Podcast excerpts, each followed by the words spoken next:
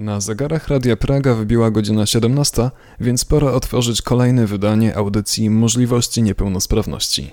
Z Wami witają się Daria Stawrowska i Wojciech Twarowski. Przez telefon połączyła się dzisiaj z nami Barbara Ostrowska. Dzień dobry. Dzień dobry.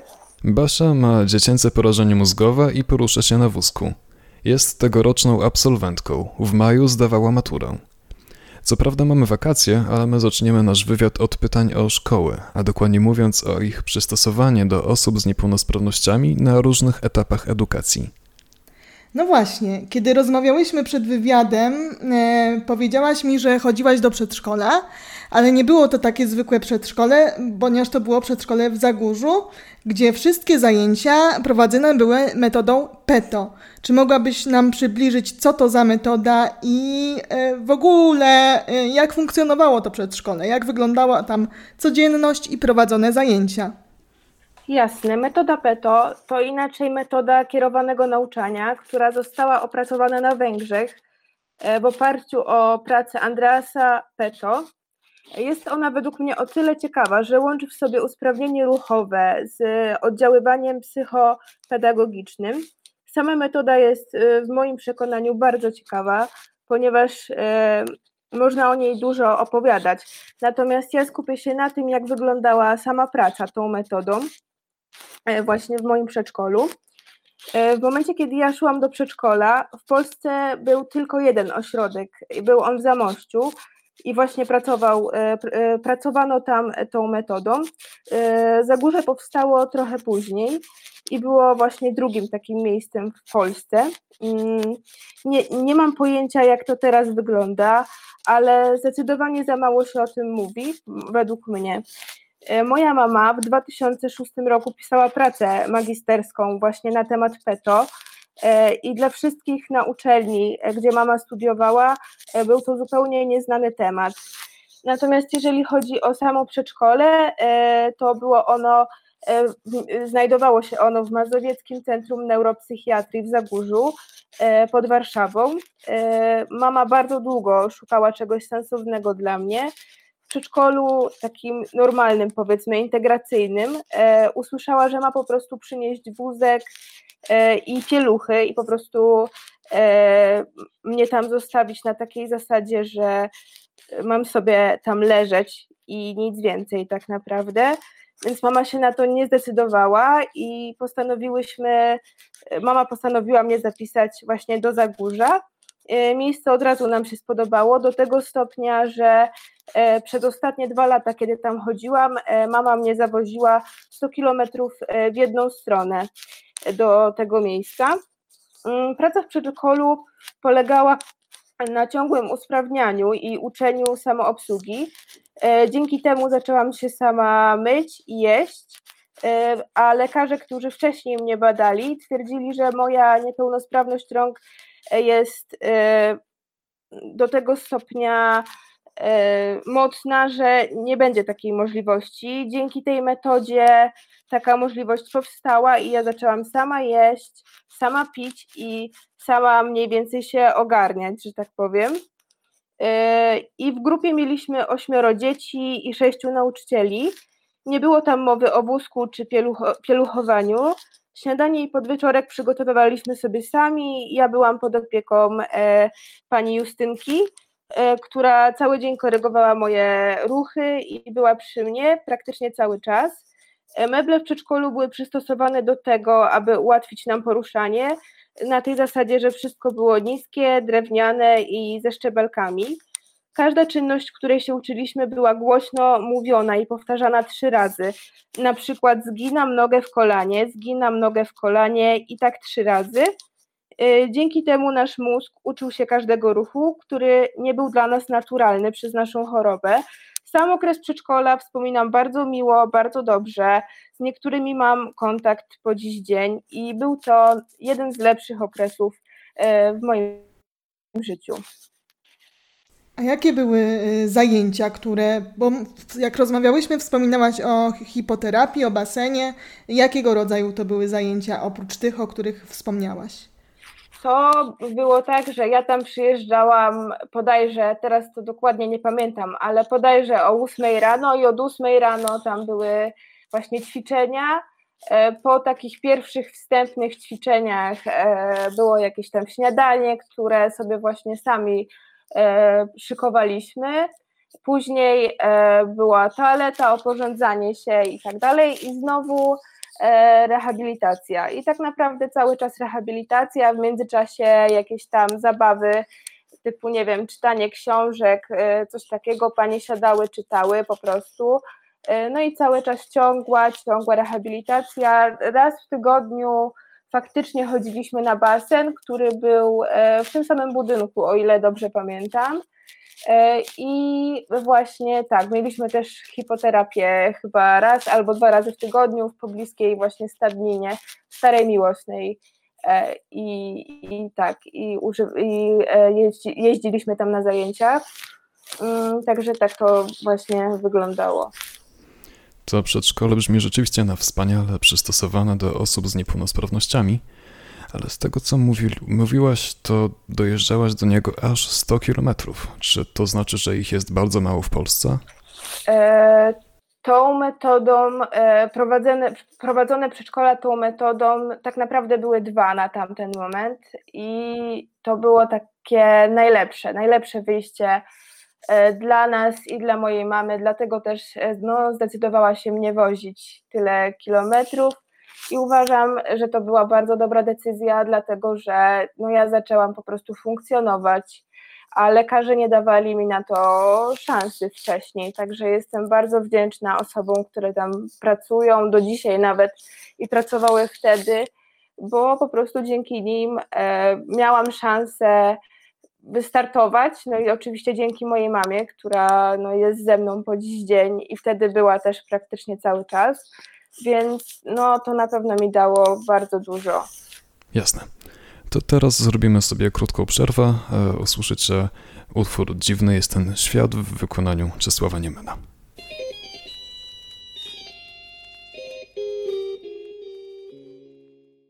Przed przerwą rozmawialiśmy o przedszkolu, a teraz chcę porozmawiać nieco o szkołach podstawowych. Czy Twoja szkoła była jakoś specjalnie przystosowana do osób z niepełnosprawnościami? Okres szkoły podstawowej wspominam bardzo słabo, ponieważ po cudownym przedszkolu mama postanowiła zapisać mnie do szkoły społecznej, która miała być dla mnie najlepszym wyjściem, najbardziej komfortowym, która miała być właśnie przystosowana w 100%, e, bardziej od szkoły masowej, mm, ponieważ szkoła była parterowa, na dziedziniec szkoły trzeba było zejść e, z trzech schodków. Ja poruszałam się już wtedy na wózku inwalidzkim, dlatego było mi bardzo smutno, kiedy wszystkie dzieci wybiegały na przerwę na dziedziniec, a ja sama zostawałam w szkole i przez okno obserwowałam e, bawiące się dzieci. E, w szkole tej nie miałam nauczyciela wspomagającego, mm, ponieważ dyrekcja twierdziła, że nie ma na to funduszy po prostu. Mama płaciła wczesne jak inni, a oprócz tego szła za mną subwencja z oświaty, ale oni twierdzili, że nie mają po prostu pieniędzy, żeby mi pewne rzeczy zapewnić. Jeżeli chodzi o zajęcia na przykład na basenie, które były w ramach e, wychowania fizycznego, moja mama musiała z, e, z nami jeździć całą grupą, e, bo inaczej nie mogłam w nich uczestniczyć, a to też było dla mnie bardzo przykre w momencie, kiedy e, wszyscy moi rówieśnicy jeździli sami, wiadomo, byli już samodzielni, a ja cały czas musiałam podróżować e, i jeździć na takie wyjazdy z moją mamą. E, nie miałam za dużego wsparcia w swoich rówieśnikach ani w nauczycielach. Z powodu mojej niepełnosprawności ja nie piszę sama. Więc moja mama brała kserówki codziennie od dzieci i spisywała mi zeszyty. W szkole e, spotkało mnie naprawdę dużo złego. E, bardzo mnie to zmieniło. Stałam się smutna, e, apatyczna, w ogóle nie chciałam tam chodzić. I to był bardzo zły okres w moim życiu. I pamiętam, że mama do mnie przyszła i powiedziała, że jak pójdziesz już do gimnazjum, to zmienimy szkołę. I to było piątej klasie a ja jej powiedziałam, że nie, że nie dam rady i że chciałabym, żeby już to się stało i żebym już zmieniła otoczenie. Więc podjęłyśmy decyzję, że zmienię szkołę już w szóstej klasie podstawówki, czyli tak naprawdę na ostatnią klasę szkoły podstawowej.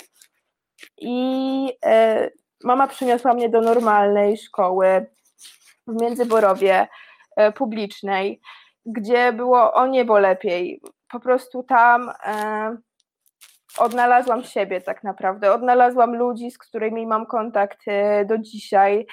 I, i było naprawdę fantastycznie.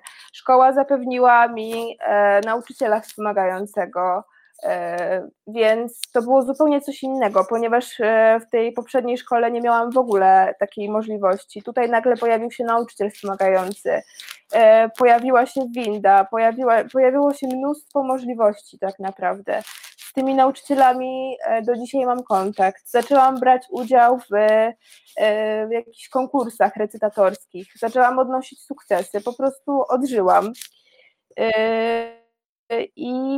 E, przede wszystkim, co było dla mnie najważniejsze w tamtym czasie, zostałam w 100% zaakceptowana w normalnej szkole masowej, wiejskiej do tego, bo tutaj niedaleko nas się ona znajduje. Po prostu odżyłam, byłam zupełnie inną osobą e, i, i bardzo się z tego cieszę, że taką decyzję e, podjęłyśmy, mm, więc naprawdę to była najlepsza decyzja, jaką mogłam podjąć w życiu, mówię, brałam udział w konkursach, byłam po prostu spełniona i to bardzo na mnie wpłynęło i, i dzięki temu, co wtedy się stało, ja jestem zupełnie innym człowiekiem e, teraz Mm, gimnazjum było w tej samej szkole, tak naprawdę trzeba było tylko przejść przez i było już gimnazjum, więc mm, tak naprawdę nie zmieniłam w ogóle otoczenia. Klasa była praktycznie ta sama, tylko tyle, że wychowawca się zmienił, ale również bardzo dobrze to wspominam. To była też bardzo ciepła osoba. Y, czułam się po prostu bardzo dobrze, czułam się akceptowana lubiana i co więcej, nauczyciel wspomagający, który był ze mną wtedy, e, poszedł ze mną do liceum, więc e, tak, więc jakby tutaj miałam o tyle komfort i no od, od momentu, kiedy zmieniłam szkołę, naprawdę moje życie się zmieniło o 180 stopni. Brzmi to bardzo dobrze, a ja się zastanawiam, bo powiedziałaś, że ta druga szkoła była szkołą publiczną i jak to możliwe, że ona była przystosowana pod względem architektonicznym? Czy przeciętna szkoła publiczna jest przystosowana do osób korzystających z wózków? To znaczy, to znaczy, to nie, to nie była na przykład, jeżeli chodzi o windy, to była na przykład winda towarowa, tak?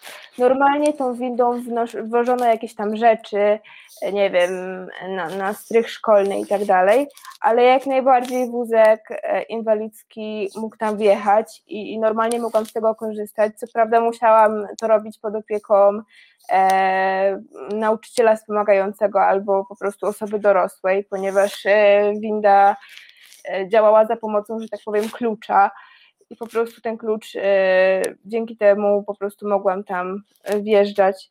Ale tak, szkoła miała po prostu trzy piętra, bo był parter, pierwsze piętro, drugie piętro i normalnie się mogłam poruszać po całej szkole tak naprawdę.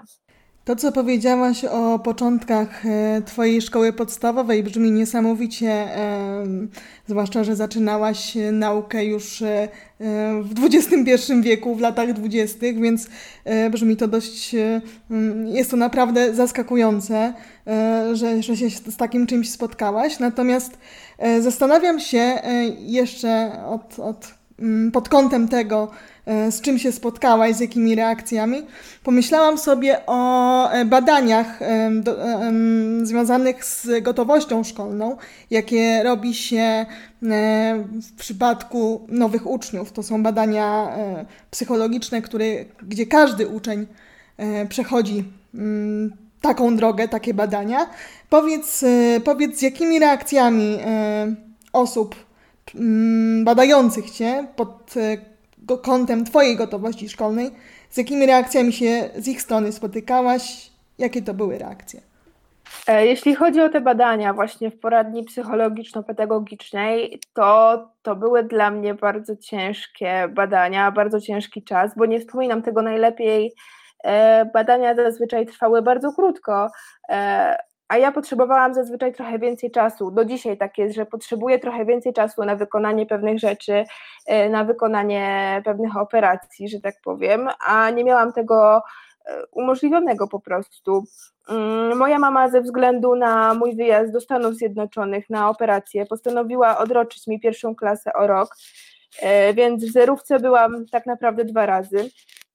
Jako dziecko bardzo szybko zaczęłam czytać. E, o pisaniu nie było mowy ze względu na spastykę i e, na ogólną niepełnosprawność.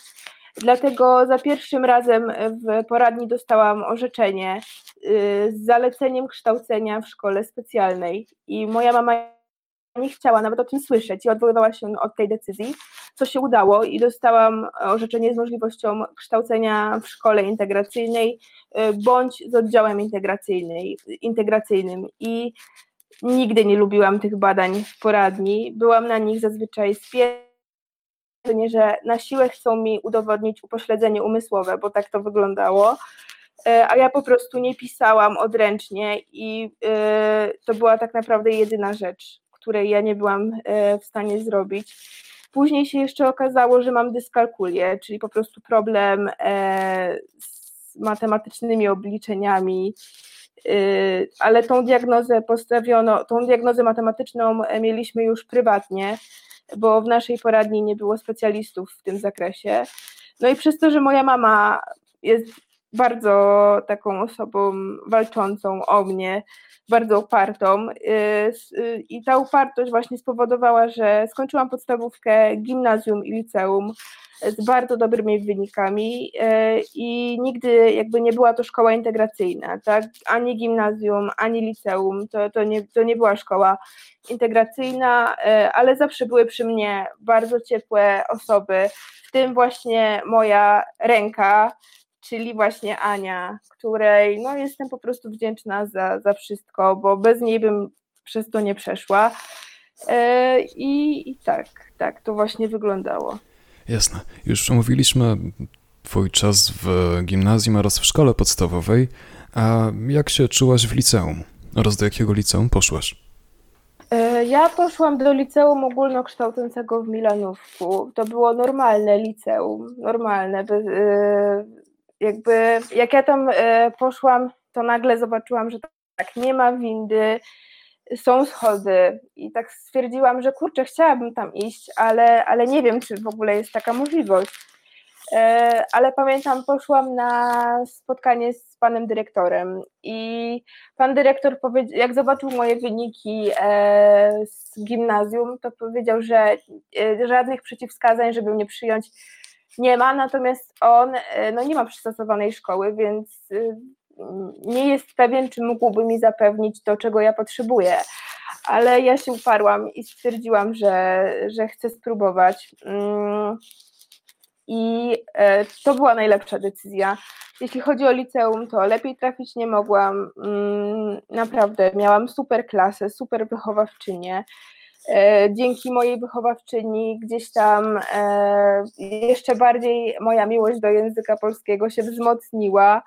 E, zaczęłam, po prostu jeszcze bardziej się otworzyłam i mimo tego, że okres liceum w ogóle był trudny ze względu na pandemię, to bardzo, bardzo dobrze to wspominam. Mam do tej pory kontakt y, i będę miała, myślę, mm, kontakt z ludźmi z mojej klasy i to był naprawdę bardzo dobry czas, mimo, mimo tej pandemii. Bardzo się wspieraliśmy, pomagaliśmy sobie wzajemnie. Jak trzeba było, to i w nocy o północy mogłam zadzwonić do jednej ze swoich nauczycielek i, i nie było żadnego problemu. Zawsze otrzymywałam od nich wsparcie, więc jestem naprawdę zadowolona z tego, że podjęłam taką decyzję. Super, tylko ja się jeszcze zastanawiam, bo powiedziałeś, że ta szkoła nie była przystosowana do osób z niepełnosprawnościami, więc jak tam się poruszałaś? Czy po prostu miałaś wszystkie zajęcia na parterze? Tak, po prostu wszystkie zajęcia były na parterze. Jeżeli trzeba było mnie gdzieś po schodach wnieść, to po prostu prosiłam swoich silnych kolegów i, i dawaliśmy radę. W ogóle nie było żadnego problemu, jeżeli chodzi o pomoc.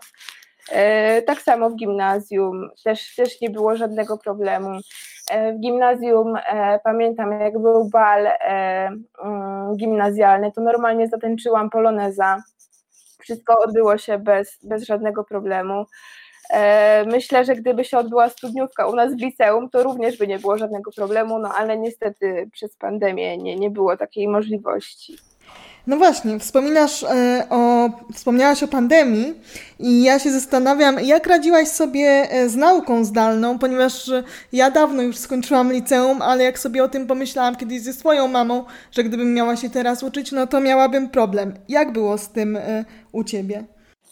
E, ja szczerze powiedziawszy, na początku miałam duży problem, żeby przyzwyczaić się do tego e, funkcjonowania w internecie, jeżeli chodzi o naukę, e, ale to zależy tak naprawdę od przedmiotu, bo na przykład jak miałam matematykę zdalnie, to w życiu bym tego nie powtórzyła. To było dla mnie straszne. To była dla mnie straszna katorga, przez to, że mam problemy w ogóle z matematyką, to tym bardziej jak e, odbywała się ona zdalnie, no tak jak wcześniej wspominałam, ja jestem osobą, która nie pisze sama, e, więc to było dodatkowe utrudnienie. Natomiast jeżeli chodzi o polski, e, czy o angielski, czyli o takie moje wiodące przedmioty, czy historię, to nie miałam żadnego problemu. Po prostu siedziałam e, i słuchałam, a jak potrzebowałam, to po prostu pisałam do jakiegoś kolegi czy koleżanki, żeby wysłali mi notatki. E, I oczywiście miałam też notatki moich nauczycielach wspomagających, a jak czegoś po prostu potrzebowałam, to, to pisałam właśnie do kolegów, koleżanek, więc nie, nie było żadnego problemu jeżeli chodzi o to. Y, u mnie najgorszy taki okres, y, jeżeli chodzi o pandemię, no to był właśnie czas, kiedy miały być te wszystkie osiemnastki, wszystkie imprezy, które się niestety nie mogły odbyć ze względu na pandemię. E, no i brakowało mi strasznie tych spotkań ze znajomymi. I myślę, że, że tutaj to było najgorsze właśnie. Dobrze. W takim razie myślę, że możemy zakończyć to wejście i posłuchamy kolejnego utworu.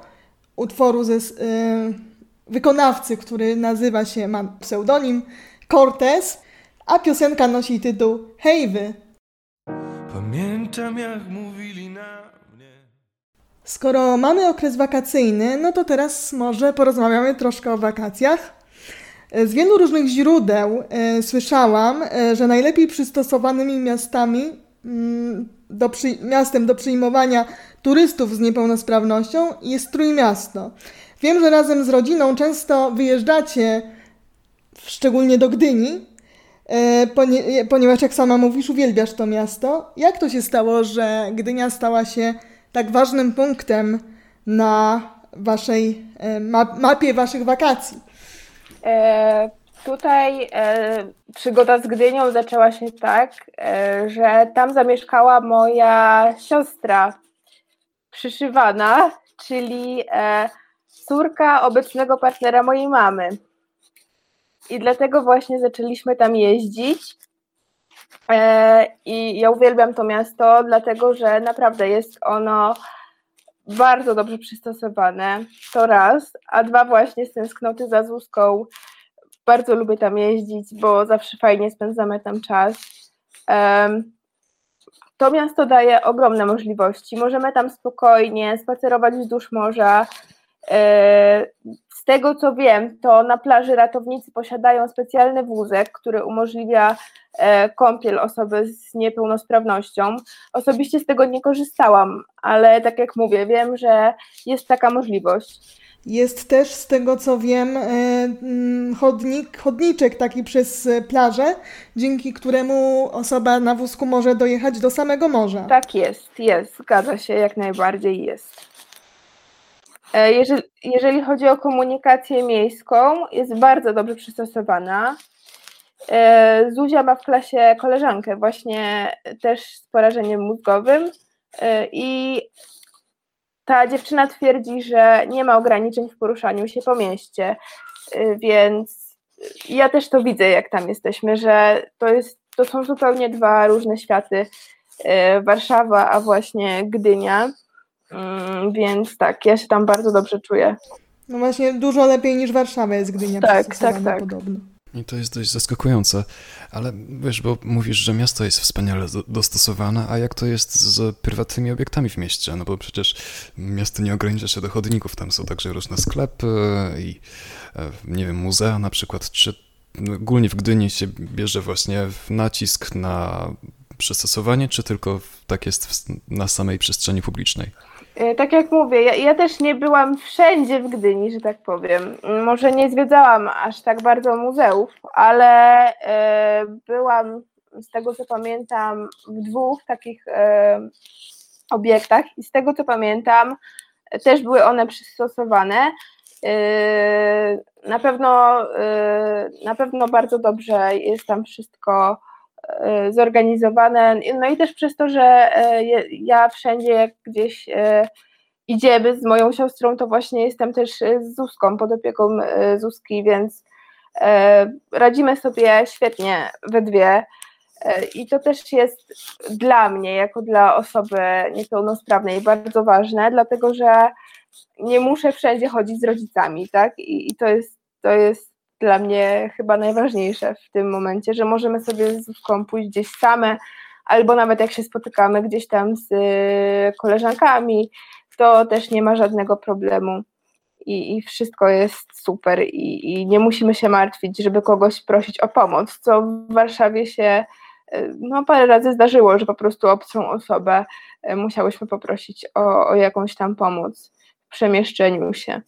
Natomiast proszenie o pomoc, e, powiedzmy tutaj, też ma swoje dobre strony, bo zawsze możesz kogoś e, ciekawego poznać, prosząc o pomoc. Więc to nie jest tak, że, że pomoc proszenie o pomoc jest zła. Oczywiście, że, oczywiście, że tak. Proszenie o pomoc nie jest złe, absolutnie. A jaka jest Twoja motywacja do bycia osobą jak najbardziej samodzielną? Moją taką największą motywacją e, jest to, żeby w przyszłości założyć rodzinę. Ja bym bardzo chciała mieć w przyszłości właśnie męża, dzieci. To jest takie moje największe marzenie. Chciałabym e, ukończyć studia, e, mieć fajną pracę, no po prostu żyć, żyć normalnie, tak? Tak jak wszyscy. I chciałabym, żeby moje życie nie różniło się niczym od, znaczy może nie niczym, bo wiadomo, że jakieś tam różnice drobne pewnie się zawsze znajdą, ale tak w dużej mierze, żeby się nie różniło od y, życia po prostu osoby zdrowej. A masz jakieś osoby, ym, które powiedzmy są dla ciebie inspiracją, na których się wzorujesz, jeżeli chodzi o działanie? Skąd się wzięła w tobie ta chęć y, usamodzielnienia się? E, chęć usamodzielnienia się, ja tak naprawdę gdzieś tam od samego początku, przez to, że e, chodziłam do szkoły, gdzie no, głównie były zdrowe osoby. I jak ja je obserwowałam, to bardzo chciałam się usamodzielnić, być tak, e, taka jak oni. Taką osobą, która była tak, takim pierwszym punktem zapalnym do tej samodzielności, to był Jasiek Mela obejrzałam film, który opowiada o jego historii. Film e, ma tytuł Mój biegun. E, I pamiętam, że po obejrzeniu tego filmu bardzo, bardzo właśnie mm, miałam bardzo dużo przemyśleń i, i to był taki moment, gdzie stwierdziłam, że skoro Jasiek bez ręki, bez nogi może zrobić pewne rzeczy, to ja tym bardziej mogę. E, I jeżeli chodzi o motywację, no to na pewno właśnie spotkanie z Darią, które miało miejsce niedawno, bardzo, bardzo mnie podbudowało, zmotywowało również e, do działania. No i takie osoby są bardzo wartościowe według mnie i właśnie dobrze jest poznawać takie osoby. Wspominałaś również o Niku Wójciciu, że jest on dla Ciebie ważną osobą. Tak, tak, o... tak. Nik Wójcic również. Ja byłam e, na takim powiedzmy spotkaniu e, z nim, znaczy spotkaniu e, we Wrocławiu. E, po prostu mm, wyszedł na scenę i zaczął opowiadać o swoich jakichś tam przejściach, przeżyciach. I też jak ja go zobaczyłam, i y, usłyszałam to, jak on opowiada pewne historie ze swojej to, to mnie bardzo zmotywowało. Bar, bardzo mnie to zmotywowało i właśnie jak ja widzę takie osoby jak Jasiek, jak e, Nick, jak na jak przykład ty, ty Daria, to, to po prostu ja się bardziej utwierdzam, jeszcze bardziej się utwierdzam w tym, że, że możemy, że można, że, że nie ma tak naprawdę żadnych e, ograniczeń, bo nasze ograniczenia są tak naprawdę tylko i wyłącznie w głowie. Możliwości niepełnosprawności, prawda Wojtku? Cały czas o tym mówimy. Do, dokładnie, dokładnie tak. Dobrze, teraz znowu krótka przerwa muzyczna. Beardy zaśpiewa nam People Help the People.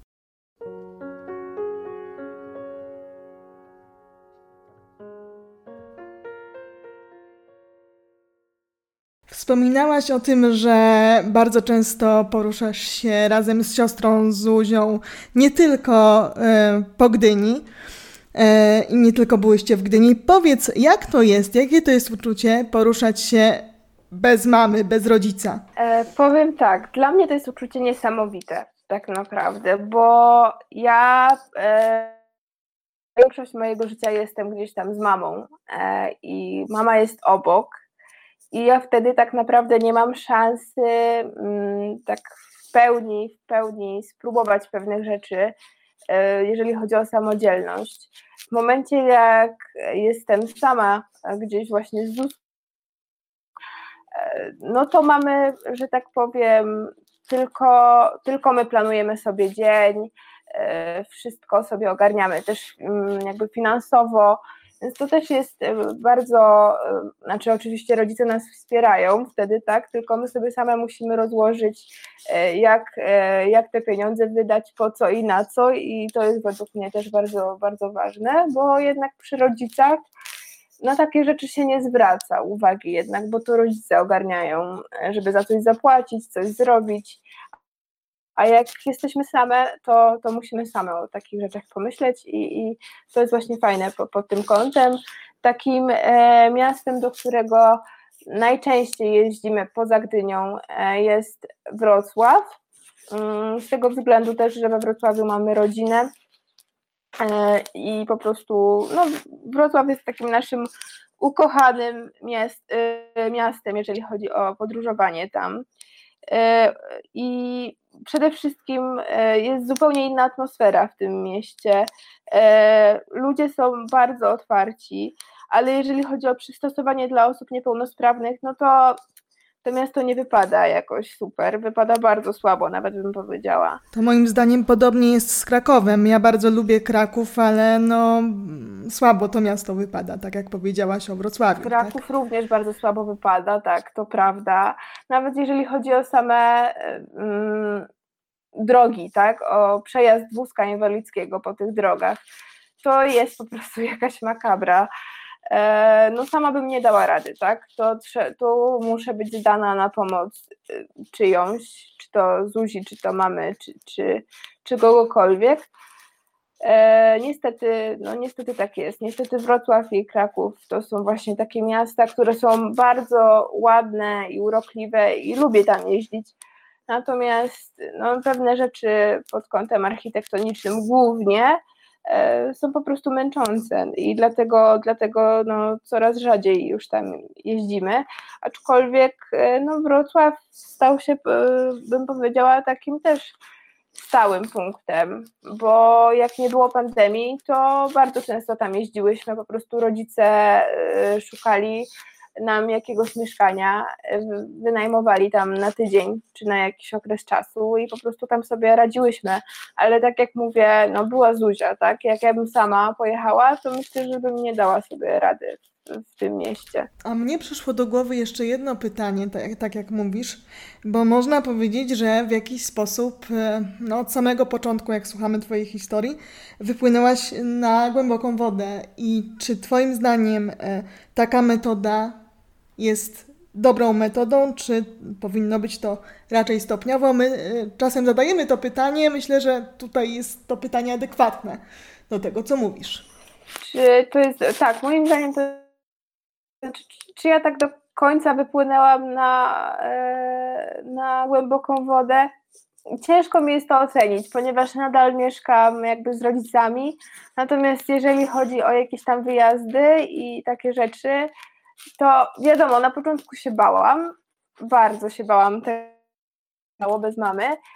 Pamiętam właśnie była taka sytuacja, jeżeli chodzi o wycieczki szkolne, to też się na początku bardzo, bardzo tego obawiałam, ale później się okazało, że, że jest w ogóle super i też właśnie nauczyciele zaczęli się mnie, którzy z nami jeździli, zaczęli się mnie uczyć i, i no było, było fantastycznie na tych wycieczkach i na wszystkich wyjazdach właśnie z e, moją klasą. E, no i tak naprawdę takie stałe, częste wyjazdy od tego się zaczęły, właśnie od, od tych e, wycieczek szkolnych. Znaczy ja tutaj nie liczę oczywiście wyjazdów z rodzicami, bo one były już wcześniej, dużo wcześniej, natomiast takie wyjazdy samodzielne zaczęły się właśnie od e, jakichś tam zielonych szkół czy wyjazdów e, z klasą. I no tak jak mówię, i ja i nauczyciele na początku bardzo się tego baliśmy, ale potem się okazało, że jest super i już właśnie w gimnazjum e, zaczęłam jeździć e, na wszystkie wycieczki, wszystkie. Pierwszą taką wycieczką była wycieczka w szóstej klasie i później przez całe gimnazjum i już tak do końca. Możesz powiedzieć naszym słuchaczom, na jaką pomoc może liczyć uczeń z niepełnosprawnością w trakcie matury? E, tak, e, oczywiście. Jeżeli chodzi o moją maturę, to to był dość skomplikowany proces, e, ponieważ e, już jak poszłam do liceum, to mm, jakby szkoła miała informację, że mam właśnie problemy e, z matematyką. Dlatego pan dyrektor podjął decyzję, że będę miała nauczanie indywidualne z matematyki i indywidualne aktualny program, mm, jeżeli chodzi o matematykę. Super. E, I właśnie według tego programu e, szłam przez całe, przez całe liceum. Natomiast miesiąc przed maturą okazało się, że jednak matura nie będzie dostosowana i będę musiała napisać taką maturę jak wszyscy. E, jak ja się o tym dowiedziałam, to po prostu się załamałam. Po prostu miesiąc przed maturą płakałam noc w noc dzień w dzień, bo po prostu wiedziałam, że nie mam, nie mam jak tego zdać, e, bo miałam zupełnie inny program. Natomiast jeżeli chodzi o resztę przedmiotów, tych takich bardziej humanistycznych, w których ja jestem zdecydowanie mm, lepiej się poruszam, e, to, to wyglądało po prostu tak, że miałam nauczyciela wspomagającego i nauczyciel wspomagający pisał to, co ja dyktowałam, tak naprawdę jedyne takie udogodnienie, jeżeli chodzi o matematykę, y, to była powiększona czcionka. Y, I to było wszystko. Tak naprawdę duża czcionka nic nie dawała w tym przypadku, bo i tak wszystko mi czytała pani Ania, która ze mną po prostu była na, na tej maturze, więc to tak naprawdę było żadne ułatwienie. Jeżeli chodzi o przedmioty humanistyczne, to y, jak najbardziej wszystko przebiegło zgodnie z planem. E, po prostu ja dostałam swój arkusz maturalny, pani Ania dostała swój arkusz maturalny e, i po prostu ja dyktowałam e, jej, co tam trzeba było. I wszystko było jak najbardziej w porządku. To teraz już chciałam na zakończenie e, zadać Ci dwa ostatnie pytania. Jakie masz plany i marzenia na przyszłość? Powiedziałaś już o tym troszkę, natomiast zastanawia mnie, co jeszcze? Czy chciałabyś coś dodać? Ojej, plan, plany i marzenia na przyszłość jest ich naprawdę bardzo dużo. E, bardzo dużo. E, no, aktualnie chciałabym się skupić właśnie na dziennikarstwie. Moim największym marzeniem jest y, pójście właśnie mm, na dziennikarstwo, ukończenie tego dziennikarstwa i, i praca w tym kierunku. Jeżeli chodzi o tak, chciałabym zrealizować już na ten moment, to jest e, na pewno nagrywanie audiobooków e, dla dzieci na YouTubie, ponieważ zauważyłam, że jest bardzo mało takich audiobooków faktycznie dobrze zrobionych. I dlatego chciałabym, y, chciałabym w to pójść głównie. Być może gdzieś tam e, w przyszłości uda się spełnić kolejne marzenie, jaką, e, jakim zawsze było napisanie książki. Mm, nie wiem, nie wiem jak to będzie, ale ale może się... Masz już pomysł, o czym miała być, miałaby być ta książka? Do końca jeszcze takiego pomysłu nie mam, natomiast myślę, że e, mm, chciałabym napisać książkę na temat tych swoich wypraw e, zagranicznych i nie tylko, ponieważ e, mimo tej swojej niepełnosprawności podróżuję też bardzo dużo za granicę i znaczy podróżowałam jeszcze, jak nie, nie było pandemii oczywiście i zobaczyłam wiele ciekawych miejsc, więc myślę, że to by było mm, myślę, że to by był dobry pomysł, żeby nagrać coś takiego. Mm, w ogóle moim marzeniem jest zwiedzanie świata i odkrywanie po kolei każdego zakątku. Wiadomo, że pewnie całego świata nie zwiedzę, bo jest to niemożliwe, ale chciałabym jak najwięcej zobaczyć i jak najwięcej przeżyć w tym świecie. Co chciałabyś przekazać naszym słuchaczom na koniec? Słuchaczom na pewno chciałabym przekazać to, yy, aby się nie poddawali, aby zawsze spełniali swoje marzenia i dążyli do celu, bo, bo to jest najważniejsze. Chciałabym też powiedzieć, żeby mm, ludzie nie dzielili nas, nie dzielili, e, nie oddzielali osób niepełnosprawnych od osób zdrowych, ponieważ osobiście ja się nie czuję osobą chorą, ja jestem niepełnosprawna, a chorym można być na katar, bądź można mieć kaszel, ale to są zupełnie, zupełnie zupełnie dwie różne rzeczy i ja nie jestem chora, ja jestem po prostu niepełnosprawna. Ta dysfunk... Mam niepełnosprawność, tak, dokładnie. Mam niepełnosprawność. Ta dysfunkcja jest ze mną od dziecka i będzie zawsze i z tym po prostu trzeba było się na pewnym etapie życia pogodzić. Natomiast y, aktualnie jestem z tym wszystkim y, pogodzona y, i uważam, że niepełnosprawność jest tylko i wyłącznie w głowie to, co my sobie wypracujemy, to mamy i uważam, że jeszcze bardzo dużo pracy przede mną w tym kierunku, ale myślę, że jestem na dobrej drodze, bo chciałabym właśnie pokazywać ludziom zdrowym i nie tylko, że nie, nie można się poddać, bo, bo to by było chyba najgorsze rozwiązanie i właśnie do osób y, chodzących i nie mających żadnych dysfunkcji, chciałabym powiedzieć właśnie, żeby nie, nie, nie oddzielali nas, żeby nie reagowali na nas jak na prąd elektryczny, bo my wcale prądem nie jesteśmy, tylko jesteśmy normalnymi ludźmi i możemy normalnie egzystować, możemy normalnie pracować, normalnie zakładać rodziny. Pamiętam, że kiedyś właśnie dostałam takie pytanie od jednej z moich koleżanek, czy ja e, będę mogła mieć w przyszłości normalnie dzieci i założyć rodzinę. Na początku trochę mnie to zdziwiło, e, ale później po prostu odpowiedziałam, że tak, że to będzie możliwe i wierzę w to, że to jest możliwe.